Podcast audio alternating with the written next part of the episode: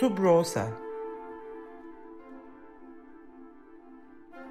Klasik müzik dünyasında sürdürülebilirliğe dair.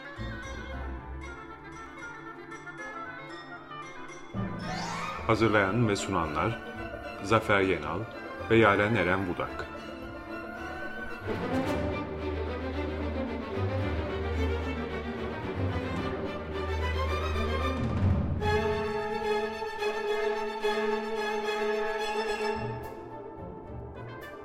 Tekfen Flamoni'nin katkılarıyla.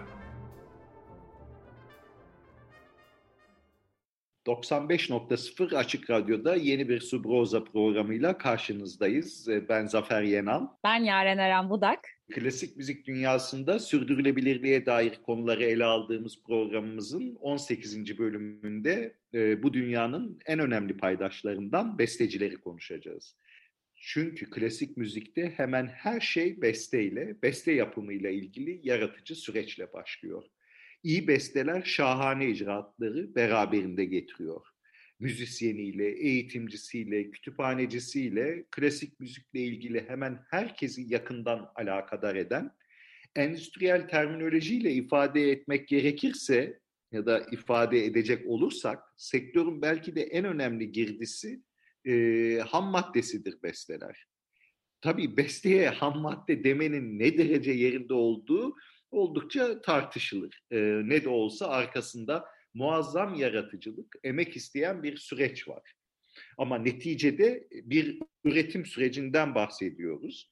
Ve e, bu süreç e, bestecinin notaları kağıtlara yazmasından ya da günümüzde artık bilgisayar programlarına aktarmasından çok daha önce başlıyor elbette e, kişisel olduğu kadar aynı zamanda toplumsal bir süreç e, bu. Toplumsal çünkü besteciler de e, diğer kültürel, sanatsal yaratıcılar gibi hep yaşadıkları çağların, dönemlerin toplumsal koşullarından etkilenmişler, etkilenmeye devam ediyorlar. Bestecilikte eğitimin yeri hangi usullerde yapılacağı, e, usta-çırak ilişkisi mi, eğitim kurumları vasıtasıyla mı e, ya da bestecilerin yaşam, çalışma koşulları, bununla ilgili olarak telif hakları ile ilgili durum, eser siparişleri gibi konular, e, ya da ya da özellikle 20. yüzyılda modern devlet yapılarının güçlenmesiyle birlikte e, kültür sanat politikalarının e, içeriği ya da içeriksizliği yani bütün bunlar e, bir kompozitörün, e, bestecinin beste yapış tarzını, sıklığını, eserinin farklı kanallardan icracıyla, dinleyiciyle buluşmasını etkilemiş, etkilemeye devam ediyor. Dolayısıyla bestecileri koltuğunda oturmuş bir çeşit inzivada kendi kendine üreten, çalışan insanlar, hatta dahiler olarak düşünmek ne kadar doğru, e, oldukça tartışılır. Ya da şöyle diyelim, bizim geçen hafta yaptığımız, sizin de birazdan dinleyeceğiniz e, söyleşilerde üç besteciden de konuştuğumuz üç besteciden de edindiğimiz duygu zinhar e,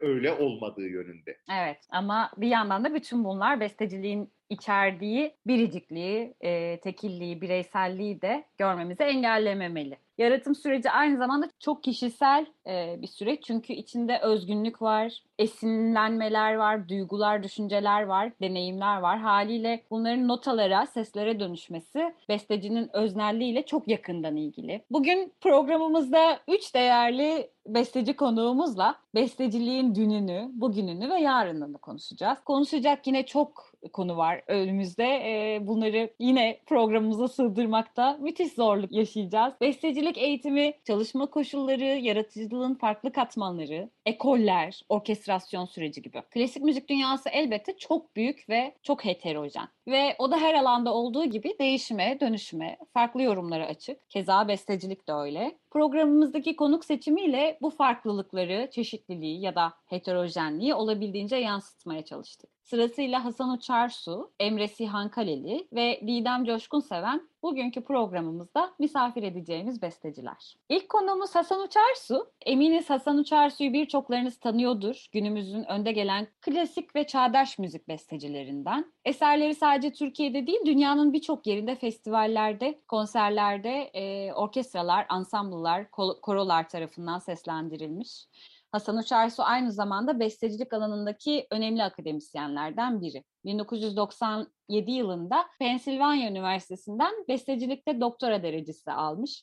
On, e, uzun yıllardır da Mimar Sinan Üniversitesi Devlet Konservatuarı Kompozisyon ve Orkestra Şefliği ana sanat dalında profesörlük yapıyor, dersler veriyor, birçok öğrenci yetiştiriyor. Geçen hafta içerisinde Hasan Bey'in Gustav Mahler'den ilham alarak yaptırdığı Ahşap Kulübesi'nde iken onunla yaptığımız söyleşiye kulak veriyoruz şimdi.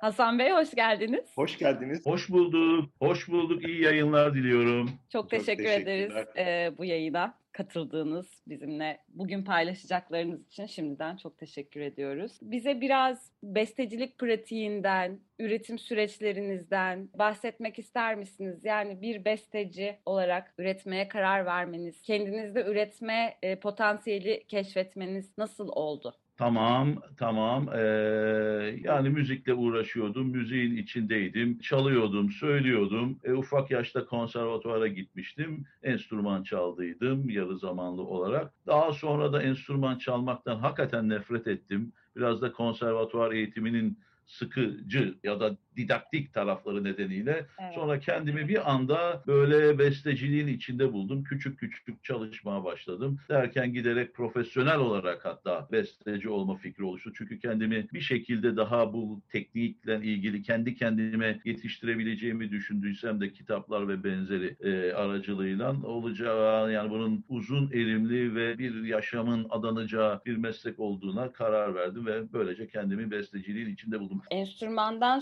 soğuyup müzikten vazgeçmemeniz ne kadar değerli aslında. Bunun böyle bir seçenek olarak var olduğunu aslında belki gösteriyor bizlere. Bu biraz da ortamla ilgili. Ben ilkokulda yarı zamanlı belediye konservatuvarına o zaman gittiydim ve flüt çalıyordum. Sonra ortaokul yıllarımda da biraz daha devam ettim. Ev uzak, e, Kadıköy Anadolu Lisesi'nin orta devresi program akşama kadar e, zor oldu. Zaten de gitmek istemiyordum. Gitmedim. Oh yani kurtuldum. E, ama benim içimde bir müzik aşkı var. Biraz da ortam. Orada çok iyi bir koro vardı. O müzik aşkını biraz o taşıdı ve ateşledi. Birkaç sene sonra tekrar e, daha büyük hararetle e, müziğe döndüm. Çok. Ama enstrüman e, yine enstrümanda çalarak aynen öyle enstrüman çalarak ama daha özgür ve daha serbest olarak öyle söyleyeyim. Ama bir yandan da çok güçlü de bir akademik e, geçmişiniz var aslında. İşte UPenn'den Pennsylvania Üniversitesi'nden doktoranızı alıyorsunuz. Onun öncesinde gene konservatuvar öğrencisiniz ki herhalde başarılı olma, olmalı olmalısınız ki burslar alarak e, UPenn gibi bir üniversiteye gidip orada e, bestecilik diploması almasını, e, doktora Hı-hı. derecesini almasını başarmışsınız. Bu akademik anlamda başarı ne kadar bir koşuldur ya da ne kadar gerekliliklerden bir tanesidir sizce günümüzde besteci olmak için? Ya günümüzde şartlar değişti. Ben akademikten de çok iyi hocaları daha önemsediğim, hayatım hep iyi hocalar üstünden de oldu. O yüzden kendimi çok talihli hissediyorum. Yani benim hayatımda hakikaten büyük insanlarla e, çakıştım. Örneğin ben lisedeyken daha konservatuvara girmemiştim. Muammer Sun'la tanıştım. O zaman İstanbul'daydı. O benim hayatımdaki ilk büyük dış etkiydi bir e, bestecilik vizyonu vermesi açısından. Sonra konservatuvara girince emekli olmasına rağmen Adnan Saygun öğrencisi oldum. Ve son 6 yılını hayatının onun öğrencisi olarak geçirdim. Cemal Reşit Rey'i tanıdım. Bir buçuk yılda benim dersim olmamasına rağmen onun dersine girdim. Yani Cumhuriyet'in ilk büyük çınarlarını, taşlarıyla onların son yılları benim hayatımın ilk yılları örtüştü. Amerika'ya giderken de özellikle beğendiğim bestecilerin, besteciliği güçlü insanların okullarını, o bulunduğu okulları seçtim. UPenn böyle bir okuldu. Orada George Crump'la çalıştım ki müziğini hala daha çok sevdiğim bir bestecidir. Yani okulda 2-3 tane hatta Pulitzer ödülü besteci vardı o yılda. Yani bu olacak bir şey değil. O yüzden eğer akademik hayat böyle büyük artistlerin olduğu bir şeyle örtüşüyorsa bence çok çok önemli olduğunu düşünüyorum ve dediğiniz gibi hakikaten de iyi öğrenciydim. Hocalarıma o sanatsal birikimlerinden çok güvendim. Genelde hocaya öğrencinin hep acaba acaba bir güvensizliği vardır. Ben hepsine e, aşırı bir şekilde güvendim çünkü kendilerini çoktan ispatlamış, üretimleri ortada olan insanlar. Yine aynı şekilde yani pendeki şeyim de öyle oldu. Ben mezun oldum, onlar emekli oldu filan. Böyle bir şey. Hasan Bey, yani saydığınız isimlerin hepsi olağanüstü isimler. Ee, bir yandan da hepsi aslında başka başka tırnak içinde ekollerden geliyor diyebiliriz değil mi? Ee, Doğru. Türk bestecilerinin ardından bir de işte George Crumb dediniz. Kendisi çok önemli bir Hı hı. çağdaş besteci ve eminim burada duyduklarınızdan bambaşka şeyler duymuşsunuzdur ondan. Bütün bu başka başka ekollerden beslenmeniz sizde nasıl vücut buldu? Ne diyorsunuz bu konuda? İşte o belki müziğimin fazlaca e, yani e, belki olanak verdiğini söyleyebilirim. Benim öyle çok yani tekil böyle bir yere saplanmış onun içinde olan bir müzik anlayışımdan çok daha kuşatıcı, daha kapsayıcı e, bir müzik anlayışım var. Zaten baştan beri de öyle serpildi. Ona etkisi olduğunu tahmin edebiliyorum. Ee, onu rahatlıkla söyleyebilirim ama benim de belki eğilimim öyleydi ama bunu ortamlarında e, ben etkisi olduğunu rahatlıkla söyleyebiliyorum. Yani genelde müziğimin altında farklı farklı müzikleri gerçi belli bir potadadır ama e, fazlasıyla kuşatabildiğimi düşünüyorum. Yani benim müzik kimliğimin e, en belirleyici özelliğinden biri budur. Peki aynı soruyu bir de eğitmen kişiliğiniz için sormak isterim. Öğrenci yetiştirirken onlara bütün bu et- ekolleri nasıl aktarıyorsunuz? Bütün bu bilgi birikiminizi nasıl aktarıyorsunuz? Öğrenciden öğrenciye değişiyor mu örneğin? Onun yapmak istediğine göre değişiyor mu yoksa e, Ne diyorsunuz? Tabii ki öyle. O yüzden de yani ben bir bestecilik, ya aslında ben besteciliğin pek öğretilebileceğine inanmıyorum. Belli bir teknik öğretilebileceğini düşünüyorum ama bestecilik sonunda tamamen kişisel, tamamen kişiye özgü, bireysel bir yaratı alanı. Fakat bestecilik hocasının, e, o ya onu şeylerde de çok önemsiyorum. Yani doçentlik sınavlarında da. Yani bestecilik hocasının kendisi kullanmasa da bilgi ve donanım olarak farklı farklı ekolleri, anlayışları, tekniklere hakkında bilgi sahibi olması, hatta onu uygulayabiliyor olması, kendi dili bambaşka olabilir ama bütün onun bilgisine sahip olması gerekiyor. Çünkü karşınıza bir çocuk çıkıyor. Hı. E, bambaşka bir sizinle örtüştüğü anda zaten orada bir e, verim beklemeyin. Onun kendi geçmişi var, kendi ilgi alanları var. Yani ona o ilgi alanlarında kendi yolunu bulmasında yardım edecek e, bir şeyinizin, donanımınızın olması gerekir. Aman bak şu eseri dinle bak senin gibi düşünen şöyle bir besteci de var şurada. Hı. Yani onun bir kendine yol bulmak istiyor. Bir takım eksiklikleri var. O farkında da değil. Onları onunla besleyip onun daha güçlü bir söyleme, bir düzeye kavuşacağını düşün. Yani o yüzden şeyinizin, bilgi paletinizin hakikaten geniş olması lazım. Hasan Bey, e, siz 80'lerde 90'larda e, aslında başladığınızda çalışmalarınıza bambaşka bir dünyaydı o zamanlar. İşte 90'larda mesela Amerika'da olduğunuz dönem yeni yeni e, işte e-maillerle falan internet hayatımıza giriyordu. Şimdi ise işte 2020'lerde tamamıyla başka bir dünyadayız. Çoğunlukla bütün işlerimizi neredeyse büyük çoğunluğunu daha doğrusu e, ekrandan hallediyoruz. Dijitalleşme hayatımızın içerisinde. Sizin sanatınız nasıl bundan etkilendi? Yani e, bestecilik yönünden bakacak olursanız dijitalleşme süreci, bilgisayarın hayatımıza girmesi e, sizi nasıl etkiledi? Öyle söyleyeyim, pratik uygulamaya yönelik açılardan hayatımı çok çok kolaylaştırdığını düşünüyorum. Eskiden biz elle, mürekkeple masa başında yazardık. Bunun keyifli bir tarafı var. Hala daha ben elle çalışan bir besteciyim. Yani taslaklarımı falan hep elle yaparım ama temize çekme aşaması artık çoktan e, bitti. Bunun bir takım fiziksel zararları en son doktora mezuniyeti için e, yazarken uzun saatler boyu aynı pozisyonda durmak korkunç sırt ağrıları e, çektiydim. Yani en azından bilgisayar bütün bu dertleri bitirdi ve çok çok daha kolaylaştırdı nota yazımını. Düzeltmek istediğiniz bir şey varsa hatta daktiloyla o zaman çıkan elektrikli daktilolar vardı. O süreci hatırlarsanız işi ne kadar kolaylaştırdığını şu anki zaten o word processor sürecinin ne kadar kolaylaştığını aynı şey müzik yazımında da oldu. Puntoları değiştirebiliyorsunuz, büyütüp ufaltabiliyorsunuz çok kolaylıkla. Partileri çıkartmakta e, bilgisayar bu nota yazım teknolojisi hayatı çok kolaylaştırdı. Ee, Hasan Uçarsu'yu dinledik. 95.0 Açık Radyo'da e, Subroza'dasınız. E, bugün klasik müzikte e, besteciliği konuşuyoruz. E, Hasan Uçarsu da bize kendi bestecilik hayatını, deneyimini anlattı. Eğitim hayatında Adnan Saygun, Cemal Reşit Rey, Bülent Tarcan gibi isimlerle tanışmasının öneminin altını çizdiği bölüm e, mesela e, benim için oldukça etkileyiciydi. E, böylece eğitimin sadece alınan dersler, öğrenilen teknikler anlamına gelmediğini e, vurguladı. E, nitelikli bir klasik müzik kültürünün devamı açısından eğitim aynı zamanda bir e, komünite yaratma işlevi de görüyor. E, böylece de e, kuşaklar arası, kuşak içi etkilenmeler, aktarımlar, e, kültürel sanatsal alışveriş e, mümkün olabiliyor. E, ve haliyle e, bu da sadece klasik müzikte değil, müziğin, sanatın her alanında e, olduğu gibi e, sosyal e, sürdürülebilirliğin en önemli unsurlarından birisi olarak karşımıza çıkıyor. Şimdi sırada yine Hasan Uçarsu var ama bu sefer bir eseriyle bizimle birlikte olacak. Davetsiz Misafirler adlı eserinden bir kesit dinleyeceğiz. Uçarsu'nun Tekfen Vakfı'nın siparişi olarak Tekfen Filarmoni ve Şirin Pancaroğlu tarafından e, icra edilmek üzere arp, e, Osmanlı arpı olan çenk ve orkestra için beslediği eser dünya premieri e, Tekfen Filarmoni'nin 2008 yılındaki İstanbul Müzik Festivali kapsamında Eski Dünya Yeni Dünya başlıklı konserinde gerçekleşti. Bu eseri belki Şirin Pancaroğlu ile yaptığımız e, geçmiş programlardan da hatırlarsınız. Varoluş enerjisini aynı solistin seslendirdiği iki ayrı çalgının kutupluluğu ve ikileminde arayan eser tüm bu özellikleriyle yaşamımızdan da pek çok şeyler barındırmakta. 5 bölümden oluşan eserin dördüncü bölümünü dinliyoruz.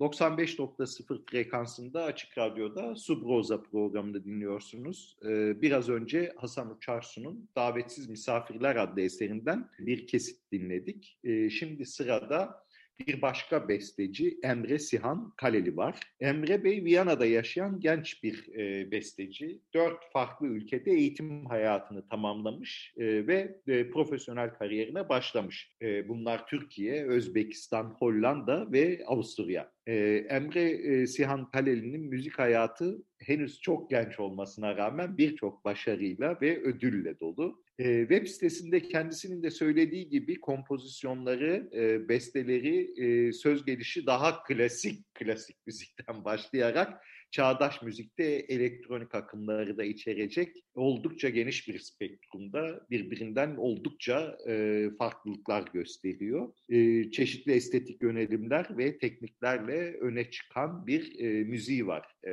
Emre Bey'in, Emre Sihan Kaleli'nin. Kendisiyle geçen hafta içerisinde e, Viyana'da e, konuştuk. Özellikle çocukların bakımıyla ilgili yükümlülüklerinin hayatını oldukça doldurduğu bir dönemde vakit ayırıp bizimle bestecilik yaşamını konuştu sağ olsun. E, şimdi bu söyleşiyi dinliyoruz. Emre hoş geldin. Hoş bulduk, merhabalar. Ee, sizi aramızda gördüğümüz için çok e, mutluyuz. Emre Bey, e, genç yaştan itibaren Türkiye'nin dışında Özbekistan, Hollanda ve Avusturya'da eğitim gördünüz ve kariyerinize başladınız. Besteciliğinizin arka planında bu çok yerliliğin etkisi nedir? Bize anlatabilir misiniz? Evet, e, haklısınız herhalde herhangi birisi özgeçmişime bak, baktığımda, baktığımda e, özellikle bu e, çok farklı kültürlere sahip ülkelerde e, bulunmuş, yaşamış ve okumuş olmak herhalde en dikkat çekici noktalardan birisi. E, Türkiye'de doğdum, büyüdüm. Daha sonra lisans kompozisyon öğrenim için öğrenimim için e, Özbekistan'a geçtim 18 yaşındayken. Orada e, lisans öğrenimimi tamamladıktan sonra e, Hollanda'ya, e, Amsterdam Konservatuvarı'na e, geçiş yaptım.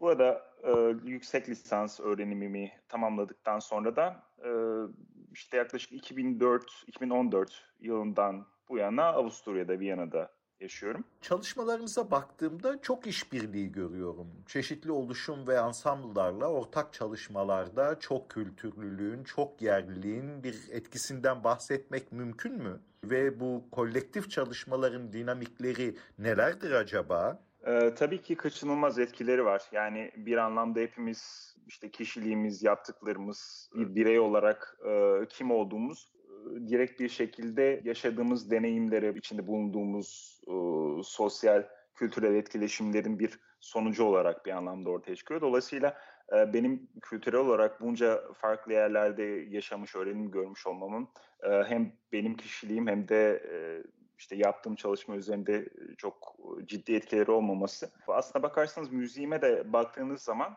e, birbirinden son derece farklı, birbirine zıt birçok farklı müzikal fikrin ya da sahnenin arka arkaya bir dramaturjik belki plan içerisinde sıralanması.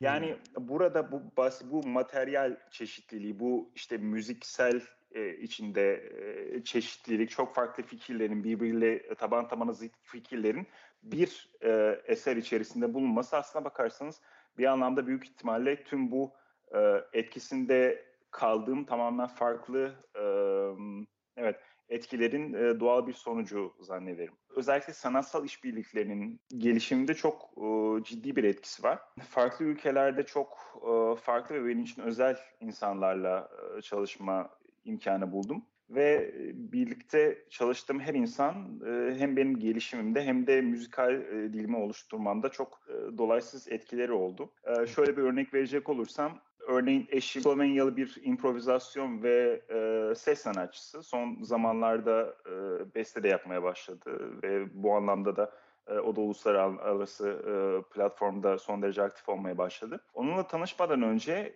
ki bestecilik pra- pratiğim e, oldukça farklıydı. Yani çoğu zaman işte piyanonun tuşları üzerinde bir takım e, daha geleneksel akorlarla, melodilerle bir takım şeyler yaparken işte eşimin bu sese veya bu doğaçlamaya direkt bağlı oluşu benim üzerinde de bir zamandan sonra daha farklı işte improvizasyondan gelen bir takım şeyleri kendim e, farklı enstrümanlar üzerinde deneyip e, daha sonra bunları yavaş yavaş kendi eserlerime entegre etme gibi bir yaklaşıma doğru gittikçe daha da fazla yol almamı e, sağladı. E, nerede dur- duruyor sizin e, müzikle olan ilişkiniz? Daha ziyade evrensellik üzerinden yoksa daha e, yerellik üzerinden mi tarif edilebilecek, kavramsallaştırılacak bir ilişki? Ne dersiniz? Evet, güzel ve zor bir sorum. Ee, kendimle ilgili şundan bahsedebilirim. Tabii benim her ne kadar e, Türkiye'de doğup büyümüş olsam da baktığınız zaman e, hani direkt e, kulağa ya da göze çarpan çok dikkati e, çekici bir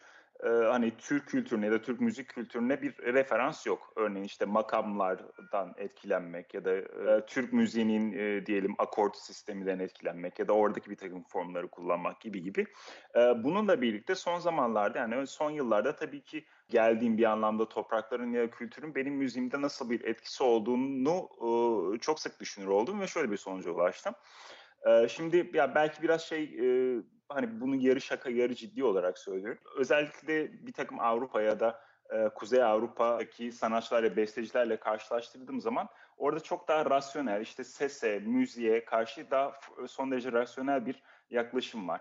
Yani e, bu ne demek? Geleneksel anlamda nedir bir e, kompozisyon, bir e, evet bir müzik yapıtı? İşte bir düşüncenin el, elinizde bir düşünce var. Bunu e, geliştiriyorsunuz ve bundan bir e, kendi içerisinde tutarlı diyeyim bir yapı oluşturuyorsunuz değil mi? Örneğin Beethoven'ın senfonileri değil mi? İşte Beethoven'ın 5. senfonisi. Bir sadece bir motiften e, koskoca bir e, ihtişamlı bir yapı oluşturmak gibi böyle bir rasyonel bir akılcı yaklaşım. E, şimdi içinde bulunduğumuz e, toprakların yani Türkiye'yi aldığım zaman şimdi zannederim katılırsınız birçok anlamda çok daha duygusal. Belki yani en azından benim örneğimde ve benim etrafımda göz, gözlemlediğim bu. Hem olumlu hem olumsuz farklı olgulara oldukça radikal ve çoğu zaman duygusal tepkiler belki vermemiz önemli bir ve göze çarpan bir özellik olarak görüyorum. Dolayısıyla benim müziğimde de bu akılcılığın yerine daha e, sezgisel ve içerisinde çok farklı uç duygular belki hem şiddetli hem de bir yandan naif, hafif. Bunların hepsinin dürtüsel bir şekilde diyeyim ve çok da akılcı olmayan bir şekilde bulunması zannederim doğup büyüdüğüm kültürün ya da ortamın diyeyim en azından Türkiye'de bir direkt bir yansıması. Bugün müzikte de dijitalleşme hızla alan kazanıyor Emre Bey. Ee, sizin yaratım sürecinizde dijitalleşmenin yerini anlatabilir misiniz? Besteci olarak günümüz teknolojilerini çok fazla kendi yaratımımda entegre ettiğim veya kullandığım söylenemez. Bunun da sebebi temelde bir teknik yetersizlik ya da bilgisizlik. Yani örneğin bilgisayar müziği ya da elektronik müzik üzerine bir yoğun bir öğrenimim olmadı. Genel böyle genel geçer biraz üstün körü bir tanışıklığım var.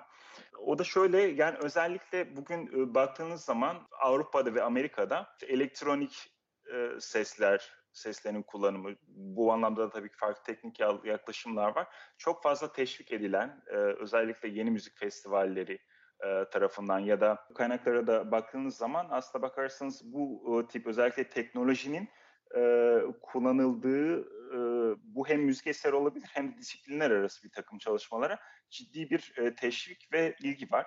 E, tabii bu bir anlamda zaten böyle bir ilgi ve teşvik varken özellikle pandeminin de getirdikleriyle e, tabii ki sizin de çok iyi bildiğiniz gibi işte dijitalleşme artık e, yalnızca üretim tamam zaten üretimde e, teknolojik araçların e, kullanılması zaten söz, konusu ama bir anlamda e, seyirci artık ulaşma konusunda da e, dijitalleşmeye doğru e, ciddi bir eğilim oldu. Dolayısıyla bu anlamda evet e, çok özellikle teknolojik araçların hem üretimde, müzik üretiminde, sanat üretiminde hem de tüketimde veya kitlelere ulaştırılmasında e, çok daha ileride e, ciddi e, ve büyük bir rol oynayacağını öngörmek e, zor değil diyebilirim.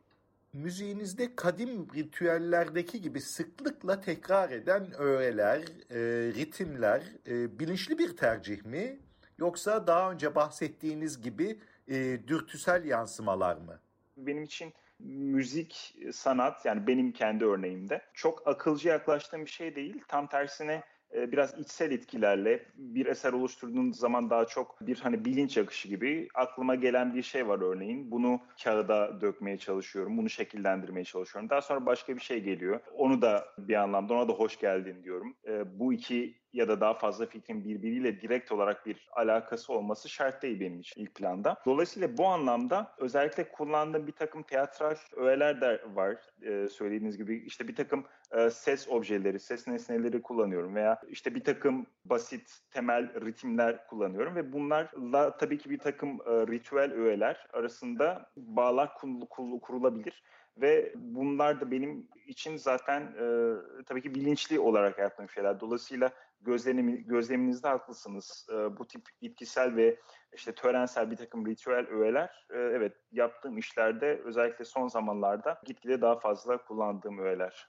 bestecinin ve bir besteci olarak sizin ekonomik anlamda e, sürdürülebilirliğiniz siparişler mi öne çıkıyor yoksa daha bağımsız projeler mi? Son günlerde durumlar nasıl? Biraz o konuda bize e, bilgi verir misiniz? E, bu tabii ki bu sorduğunuz soru tüm özellikle genç bestecilerin yani çok ilgilendiren bir sorun. Çünkü yani açık söylemek gerekirse sadece bestecilik e, yaparak, sadece eser yazarak hayatını idame ettirebilen, özellikle belli bir yaşa kadar en azından kariyerinde belli bir noktaya gelene kadar sadece buradan geçimini sağlamayabilen besteci sayısı çok çok az. Benim örneğimde şöyle, ben çok uzun zamandır sipariş üzerine eser yazıyorum ama bu demek değil ki sadece e, siparişlerle e, hayatımı idame ettirebiliyorum. Her ne kadar son zamanlarda evet yani aldığım sipariş e, sayısında bir artış oldu. Bir de e, şöyle bir şansım olduğunu söyleyebilirim. Avusturya bu tip işte eser, sanat eserlerine kaynak bulma, kaynak sunma açısından çok gerçekten hani kendimi şanslı bulduğum bir, bir yer. Hani bu demek değil ki hani devlet veya çeşitli sanat kurumları hani herkese karşı çok cömertler. Tabii ki bir takım belli kriterlere, kıstaslara uymanız gerekiyor belli fonları alabilmek için.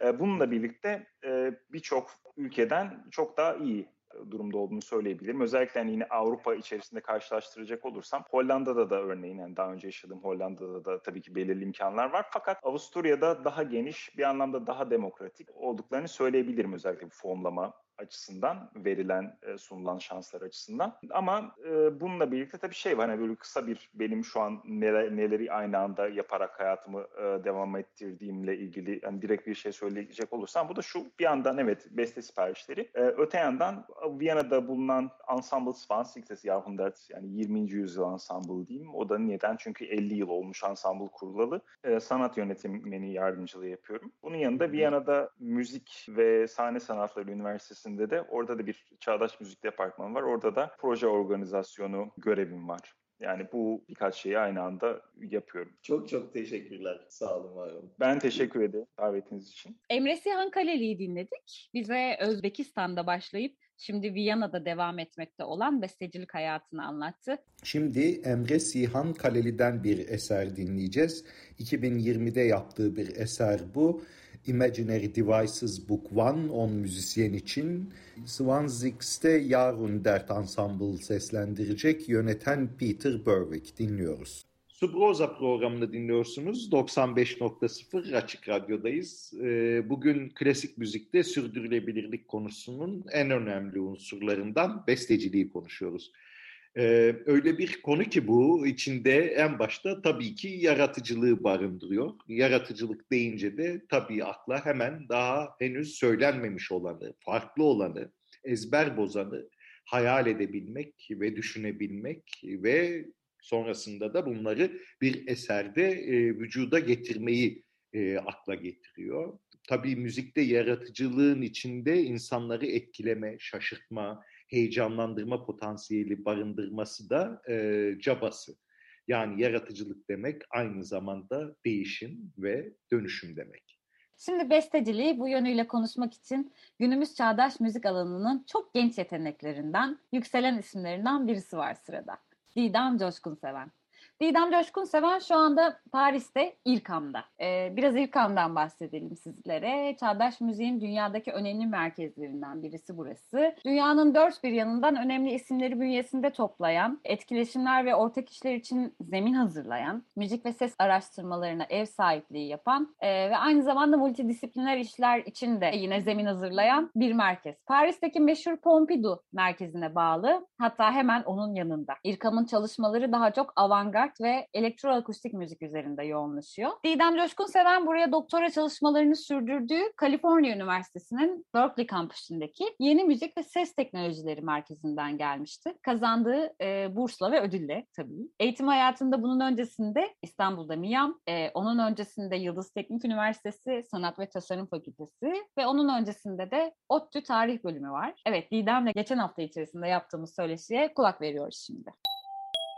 Didem, Didem Coşkun Seven, hoş geldin. Hoş geldiniz. Hoş bulduk. Bugün seni aramızda görmek çok güzel. Senin yürüdüğüne şahit olduğum yaklaşık bir 10 yıldan çok kısa bahsedeyim. Çok disiplinli bir, yalnızca sanatçı değil, çok disiplinli bir insansın. Bambaşka işte sosyal bilimler, edebiyat altyapısının ardından bestecilik ve özellikle elektronik müzik alanında bestecilik ve bugün seninle besteciliğin biraz daha yeni kısımlarını, belki geleceğini de e, konuşmak için buradayız. Şöyle başlayalım. Nedir seni besteci yapan? Yani hangi noktada galiba ben üretebiliyorum, yoktan var edebiliyorum bir şeyleri dedin? Sana bunu dedirten şeyler ya da bir an var mı? Öncelikle ben çok yani çok mutlu oldum ve kızardım şu anda. çok teşekkür ederim hepinize. Soru aslında ya soru harika bir soru, çok da zor bir soru. Sanırım benim hem eğitim hayatım hem kültür sanat e, sektörü içerisinde nasıl var olduğum, bir şekilde nasıl ilerlediğim de belki biraz ilginç olabilir. Bir özet geçeyim. Aslında ben yani eğitim hayatım işte lisans eğitimimi ODTÜ'de aldım, ODTÜ tarihte. Ardından görsel sanatlar, felsefe ve müzik olarak devam etti. O süreçte tabii ki özel enstrüman dersleri, işte gitar girdi hayatıma, keman girdi. Ardından Yıldız Teknik'te Sanat ve Tasarım Fakültesi'nde devam ederken ikinci üniversite eğitimimde o. E, Yaren'le de tanıştığımız yerdir. Hı hı. Bir sürü güzel insanla tanıştığım yer. Orada aslında temel tasarım dersinde benim en kilit bulduğum, hatırladığım anlardan bir tanesi. Bir aslında ödev vasıtasıyla oldu. Belki çoğumuz için benzerdir hikaye. Öncesinde de bir şeyler yapıyordum ama o an şeydir benim için. Ya evet ben sesle galiba bir şeyler yapabiliyorum. Sanırım bu hikaye ilerliyor ee, dediğim anlardan bir tanesi. Onun dışında zaten görsel sanatlar atölye derslerinde malzemeyle uğraştığımız bir şeyler yaptığımız çok an oldu. Ama dediğim gibi sesle ilgili olarak sanırım hatırladığım önemli anlardan biri, önemli ödevlerden biri özellikle beni o yola doğru cesaretlendiren Hı hı. temel tasarım dersinde sesle hikaye anlatmamızın istendiği oh. ödevlerden bir tanesiydi, projelerden bir tanesi. Hı hı. Yıldız Teknik Üniversitesi'nde Sanat Tasarım Fakültesi'nde biz çok ortak ders aldık hep beraber. Ve sanırım orada aslında benzer hayaller paylaştığımız insanlarla bir arada olmak çok besliyor. Mesela caz müzisyeni arkadaşlarımın etrafımda olması, Yaren, Sibil, e, müzikolojiden çok değerli insanların etrafımda olması. Sanırım beslendiğinizi hissettiğiniz, iyi hissettiğiniz, desteklendiğinizi hissettiğiniz bir ortam da çok önemli. önemli. Öncelikle o sanırım benim böyle en çok ilham bulduğum arkadaşlarımla, meslektaşlarımla özellikle sohbet ederken neler hayal ettiğimizi, neler yapmak istediğimizi konuşurken. Mesela günlük hayatın içinde beni en çok etkileyen şeylerden birinin o olduğunu söyleyebilirim. Hı hı.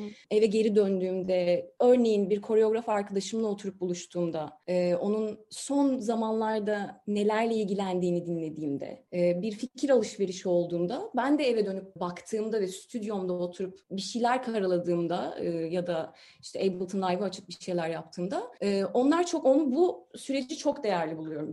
Evet yani insanlarla olmak, insanlarla kurduğumuz etkileşim gerek kendi disiplinimizden gerek başka disiplinlerden insanlarla ee, çok kesinlikle çok besleyici ve çok ilham verici. Başka neler besliyor? Yani bir besteciyi, bir besteciyi diye sormayacağım. Bunu da oradan sana soracağım. Seni, senin yaptığın müziği, ortaya koyduğun üretimi neler besliyor? O, o üretimin içindeki katmanlar, e, gizli kahramanlar, gizli manzaralar neler? Aslında yine bir önceki cevaba benzer bir cevap olacak ama diğer bestecilerin, müzisyenlerin yaptığı işler özellikle çok heyecan verici bir iş gördüğümde, dinlediğimde, canlı performansına gittiğimde onun üzerine gerçekten çok düşünüyorum. Beni neyin etkilediği, daha sonra tabii orada kalmıyor. Mesleki olarak nasıl yapıldığını araştırmak kütüphaneye gidip ya da kendi kendi araştırma yöntemlerinizle buna devam etmek. Elinizin altında bir enstitü varsa orada bakmak. Yani aslında kabaca analiz dediğimiz e, ama bunu böyle çok da fazla da böyle analiz analiz bir yerden bakmadan e, biraz daha aslında duygusal bir yerden bakarak, gerçekten kişisel bir yerden bakarak. Bunlar beni çok besliyor. Özellikle mesele ses olduğu zaman iyi iş görmek, iyi iş duymak e, ve üzerine düşünmek. Aynı zamanda sanırım son beş yıldır çağdaş dans üzerinden çok besleniyorum. Hareket üzerinden, beden üstünden çok ilham alıyorum. Yine aynı şekilde iyi sahnede güzel şeyler izlemek, dinlemek beni inanılmaz mutlu ediyor ve çok ilham alıyorum oradan mesela. İrem biraz da işin ekonomik kısmına gelelim bir besteci olarak hayatı yalnızca bestecilikle sürdürebilmek ekonomik olarak mümkün mü? Nasıl hayatta kalıyorsun? Sanırım bu soru, bu soru üstünden birazcık şeyden bahsedebiliriz. Spesifik olarak daha da böyle özele inerek çağdaş müzik alanında devam ettirilen, sürdürülen bestecilik dersek son yıllarda içerisinde aktif olarak bulunduğum uğraştığım, müzik yaptığım. Orada aslında konu son zamanlarda üzerine çok düşündüğüm bir şey. Stil, janr meseleleri mesela. Çok isterim Hı-hı. konuşmayı. Bu alanın içerisinde aslında biraz çoğu alanda olduğu gibi e, zor. Maalesef. Hmm. Türkiye'de de zor, aslında Avrupa'da da zor, Amerika'ya gittiğinizde de zor olduğunu düşünüyorum. Birçok yerde e, oldukça mücadele gerektiriyor. Hayatta kalmak, maddi olarak kendinizi e, idame ettirebiliyor olmak, e, işlerinizi ulaştırabilmek e, dinleyiciye e, bir şekilde e, canlı ya da kayıtlar üzerinden. Çoğu çağdaş müzik bestecisinin tercih ettiği yol aslında biraz e, Avrupa festivallerine başvurular yapıp hmm. bu bazen portfolyonuzda oluyor, bazen bir open call oluyor ve verilen enstrümantasyona bir müzik yazıyorsunuz, işte, e, notaları gönderiyorsunuz, partları gönderiyorsunuz. Ardından bir kabul geliyor ya da bir red geliyor. E, genelde çok uzun süre sanırım böyle ilerledi. Benim hayatımda da bu son sanırım 5 yıl aktif olarak bu şekilde devam etti. Bunun artıları var, eksileri var. Çünkü çok zor bir süreç. Yani aynı zamanda bunu psikolojik olarak reddedildiğinizde, gidemediğinizde ya da aylarca üzerine çalışıp emek verdiğiniz müzik çalınmadığında gibi ah, evet. kapıldığınız böyle bir e, tırnak içinde dark side dediğim karanlık bir taraf var. Üzüldüğünüz, yıprandığınız. Ama bir taraftan da biraz böyle yavaş yavaş ilerlediğini hissettiğinizde de mutlu olduğunuz, böyle cesaretlendiğiniz, e, eser siparişi aldığınızda e, tabii ki bunun maddi dönüşünün de olduğu bir süreç. Çoğu çağdaş müzik bestecisi sanırım böyle ilerliyor. Ama yeterli mi bu? Hayır. Çoğumuz evet. ya ders veriyoruz ya da benim benim de şu anda yaptığım gibi akademiden devam edebiliyoruz. E, kurumlarla ilerliyor evet. Bir şekilde kurumlarla ilerlediği doğru. Ama çok yine sancılı ve zor bir süreç oluyor. Evet. Dediğim gibi ardında çok fazla reddedilme e, çok fazla gözyaşı olabiliyor. E, maddi olarak da kesinlikle çok zor. Eser siparişleriyle hayatta kalmanız ya da devamının gelip gelmeyeceğini bilemediğiniz bir süreç aslında bakarsanız.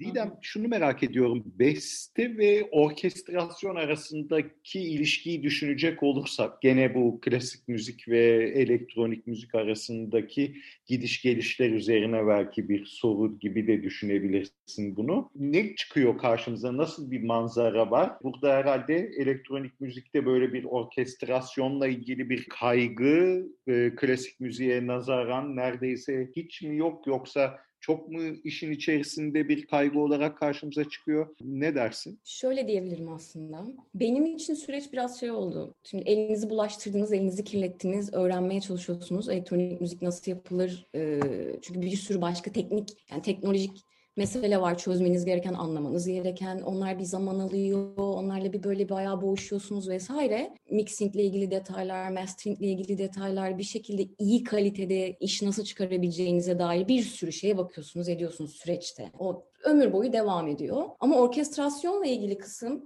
bence kesinlikle aslında benzer, aynı. Şöyle biraz janrla da ilgili olabilir tabii. Neresinde duruyorsunuz, nasıl bir iş yapmak istiyorsunuz? Bununla da çok ilintili. Belki çok önünüze gelen proje ya da ilintili şeyle ilgili başka bir şey de yapıyor olabilirsiniz ama anlatmak istediğim aslında şu, programı açtığınızda, onda çalışmaya başladığınızda da aslına bakarsanız klasik müzik eğitimi aldığınız dönem, klasik olarak bestecilikle uğraştığınız dönem, öğrendikleriniz, aldığınız enstrümantasyon ve orkestrasyon derslerinde öğrendiğiniz şeyler aslında uygulamaya devam ettiğiniz şeyler oluyor. Belli bir şeyi geçtikten sonra benim için özellikle yani o software ile mücadele dediğim dönemi biraz atlattıktan, biraz hakim olduktan sonra kesinlikle uyguladığınız şeyler. Kesinlikle.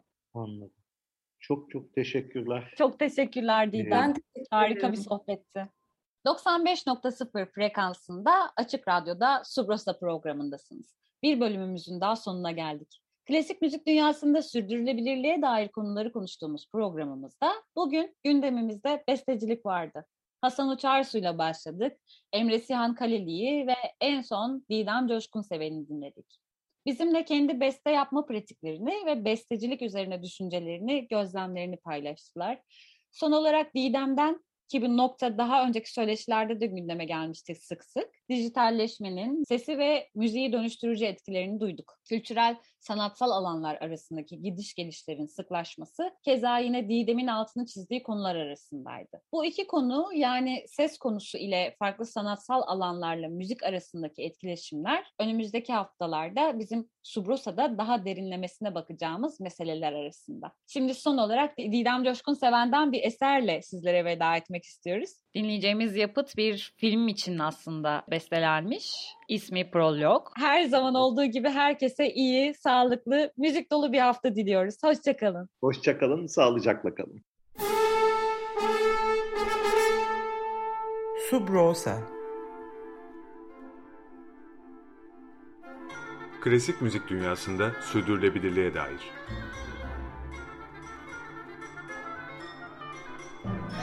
Hazırlayan ve sunanlar Zafer Yenal ve Yaren Eren Budak.